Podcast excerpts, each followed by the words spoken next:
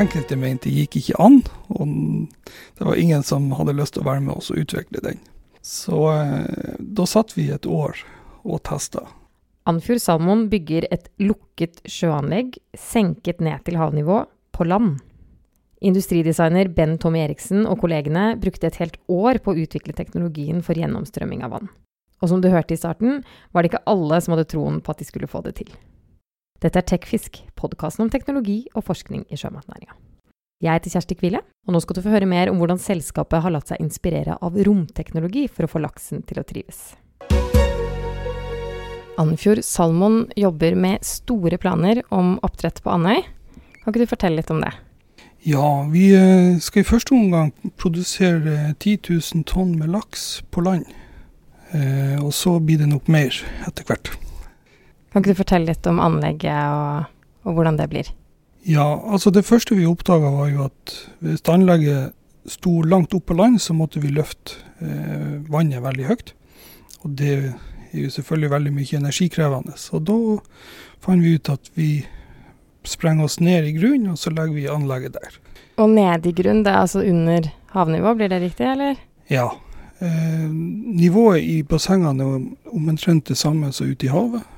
Og eh, det kommer til å bli flo og fjæra inne i bassenget også. Og kan du ikke si litt hvordan, hvordan startet dette?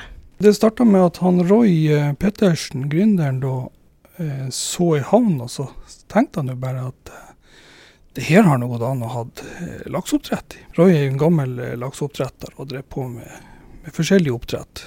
Og, og, så begynte jo da planene om å finne ut hvordan man skulle gjøre dette her. og sånt. Når var det? Jeg tror det er i 2014, så det begynner å bli noen år siden. På den tiden, hva, har, hva har dere gjort? Det er mange teknologiske ting som skulle på plass. F.eks. hvordan skulle dette bygges og sånt. Og det var jo da jeg tilfeldigvis kom inn i bildet, for jeg satt på, på eh, fabrikken Næringshagen i, eh, på Sortland.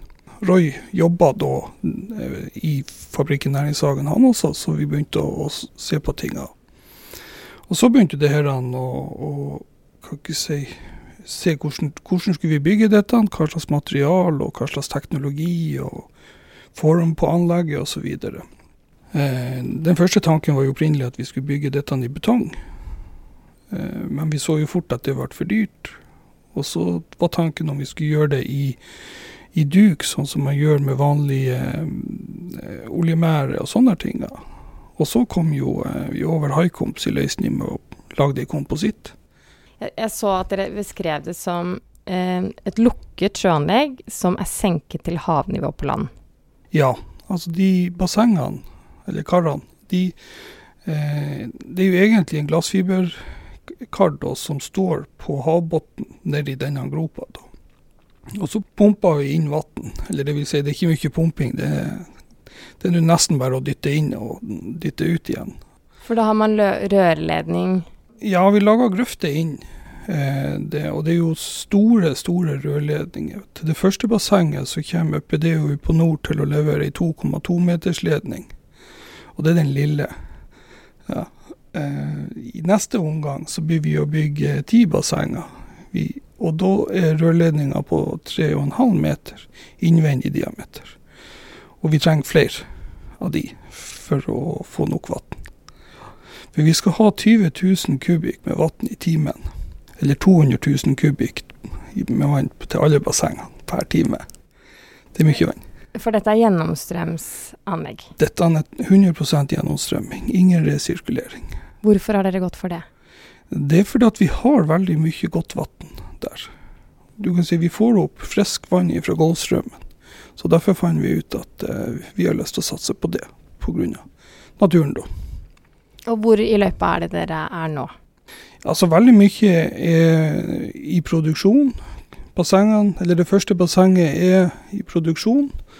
Eh, rørene den første delen er produsert. Eh, pumpen, strømsetteren. Der ble det jo litt nyvinning fra Framo. Vi traff veldig heldig med en, eh, med nye ny det de kaller en strømsetter. Det er veldig artig pumpe som ikke har gir eller nav eller noe sånt. Hun har magnetene i ytterkant. Som en del båter har sånne trøstere og sånt. passer veldig fint for, eh, for dette bassenget. For vi skal ha veldig mye vann og veldig lite løftehøyde. Og på tomta da, hvordan ser det ut? Eh, det skal du få se litt nærmere, for vi bruker drone stort sett ukentlig for å kartlegge det. Men vi er kommet oss ned til eh, ca. 8 meter. Så vi har jo noen meter til. Vi skal jo ned 20 meter totalt. Så, eh, så det begynner å skje ting der. Ja. Ja, for da, da, kan vi jo legge ut noen bilder på artikkelen, men for de som hører bare på podkasten, kan du fortelle litt mer? Grøften utad er jo ikke ferdig. For vi må jo gjøre en del eh, betongarbeid. Grøften må, må, kunne stenges med ei betongpropp, og den må gjøres ferdig før vi går lenger ut og sånt. Men eh, røren er, ligger der og er klar, for å si det sånn. Og skal dere ha noen bygninger? Ja, det blir, spes, eh, blir en spesiell hall over eh, anlegget. For den skal være eh, perforerte plater på, sånn at eh, vi slipper ventilasjonsproblemer og kondensproblemer og sånne ting. Ja. Men eh, han skal jo stoppe da smittefare og fugler og ja, dyr generelt og sånt. Hvordan er det dere har jobba med utviklingen av teknologien, da? Altså, vi er jo veldig opptatt ut av eh, bærekraft, miljø og hva ikke si, dyrevelferd. Og det er jo der de viktigste tingene er gjort. Og eh, vi har et nytt konsept med tanke på det, som er patentert, faktisk. Og det går at fisken skal ikke stå i strøm. Det er det mange som har lyst til å diskutere med oss. Det er en helt laminær strøm inne i bassenget. altså Det er ingen virvler i vannet. Og det har vi gjort for å få til rensinga. Altså vannet, feses, avføringa til fisken kommer til å dette ned på bunnen pga. at det ikke er så mye virvler og sånt. Og der blir det stående en robot, eller flere roboter, og samle dette opp for å ta vare på dette. Når du sier laminer Laminær strøm. Laminær strøm. Ja. Da går den rett fram og ut igjen, eller hva er det det innebærer? Ja. Og det var en veldig, veldig stor utfordring. Vi enkelte mente gikk ikke an, og det var ingen som hadde lyst til å være med oss og utvikle den. Så eh, da satt vi et år og testa. Og testinga har gått med 3D-printing og simulering, såkalt CFD altså fluidynamiske eh, beregninger. Der vi har testa ut masse, masse, masse design. Den simuleringa har gått 24 timer i døgnet i ca. et år. Og eh, etter et halvt år så fant vi en løsning. Den løsninga ligner veldig mye på det du finner i en uh, vindtunnel. Selvfølgelig inspirert fra NASA og, og, den biten. Og det handler vel om det er masse små uh, spoilere og sånt for å få den laminære strømmen. Og det fungerte supert. Vannet kommer inn på sida, og så blir det liksom skrella av lag for lag, omtrent som det er en masse osthøvler borti gjennom. Og, og, så kommer vannet da ut i et totalt firkantig basseng, og fri for, for virvler og sånne ting. Men så sier Nordkonsult at det her blir for dyrt. Uff da. Altfor dyrt. Ja. Og eh, da var det jo bare tilbake i tankeboksen, og eh, det for ca. et halvt år til.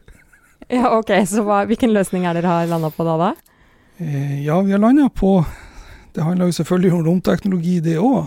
Eh, vannet kommer inn i en parabol Så fordeler vannet rundt i en, eh, et spesielt kammer. Før det kommer ut gjennom en filtervegg og er laminær. Den er litt vanskelig å forklare på lufta, men ja, det er egentlig vanskelig å forklare ellers òg. Parabol? En parabol, ja.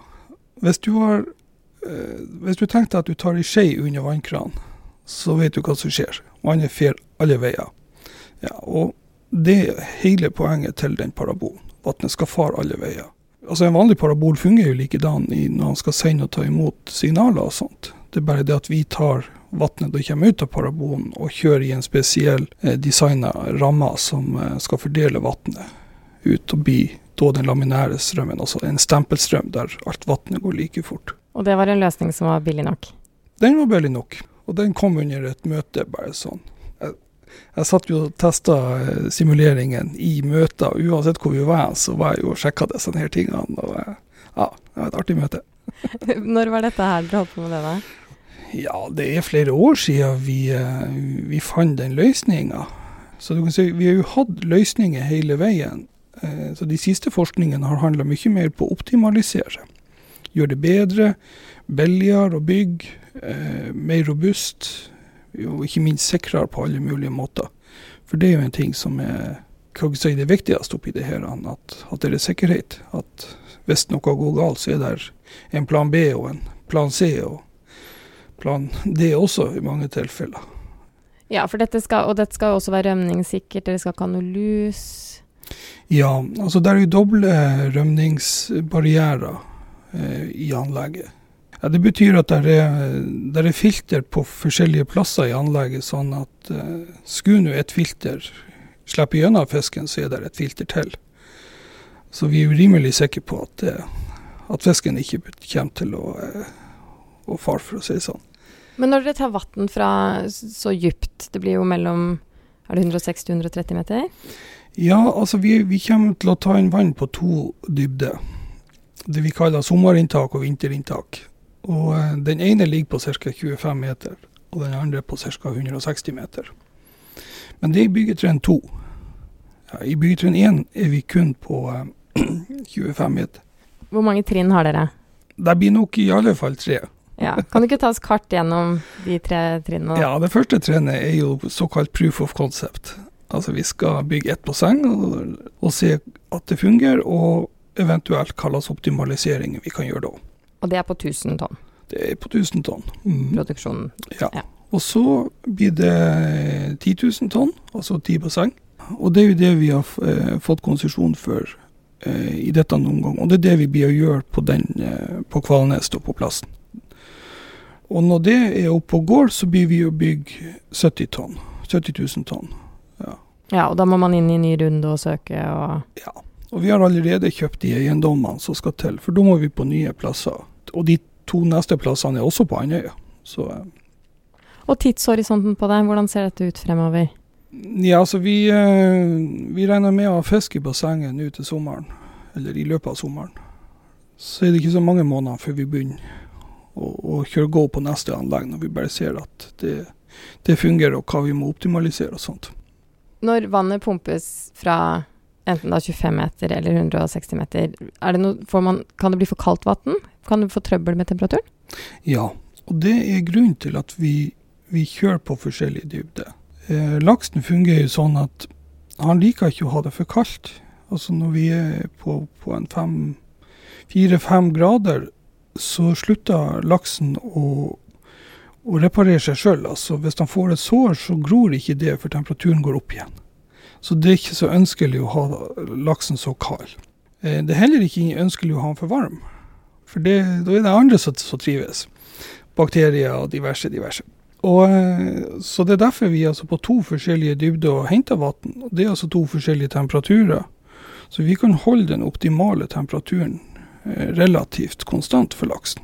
Og samtidig få han lusefri og fri for alger og sånne ting. Så ser vi alger utenfor inntaket, så er det jo bare å stoppe det og så ta ifra det andre inntaket til algene er forn forbi. Enkelt og greit. Ja. Hva skjer med slammet, da? Ja, det er jo den interessante biten. For det er jo her vi kommer inn på bærekraft og, og det. Og jeg tror vi er, vi er nødt til å, å, ta vare på slammen. Ikke fordi at vi ikke skal overgjødsle havet lokalt og sånt, men fordi at vi kommer til å trenge det. Altså Vi går fri for bl.a. fosfor om ikke så altfor lenge. Så eh, det slammet tror jeg kommer til å bli veldig eh, verdifullt etter hvert. Vi har bygd anlegget på sida av eh, Andøy Torvindustri, en av Norges største eh, jordprodusenter. Og tanken er å bruke slammet som eh, næringstilsetning i den. Men jeg ser jo at det begynner å øke Interessen for slam begynner å øke ganske kraftig nå. Så der er jo en del folk som får opp øynene for det. I går leste jeg nå sist at de skulle lage bensin ut av det. Og, ja.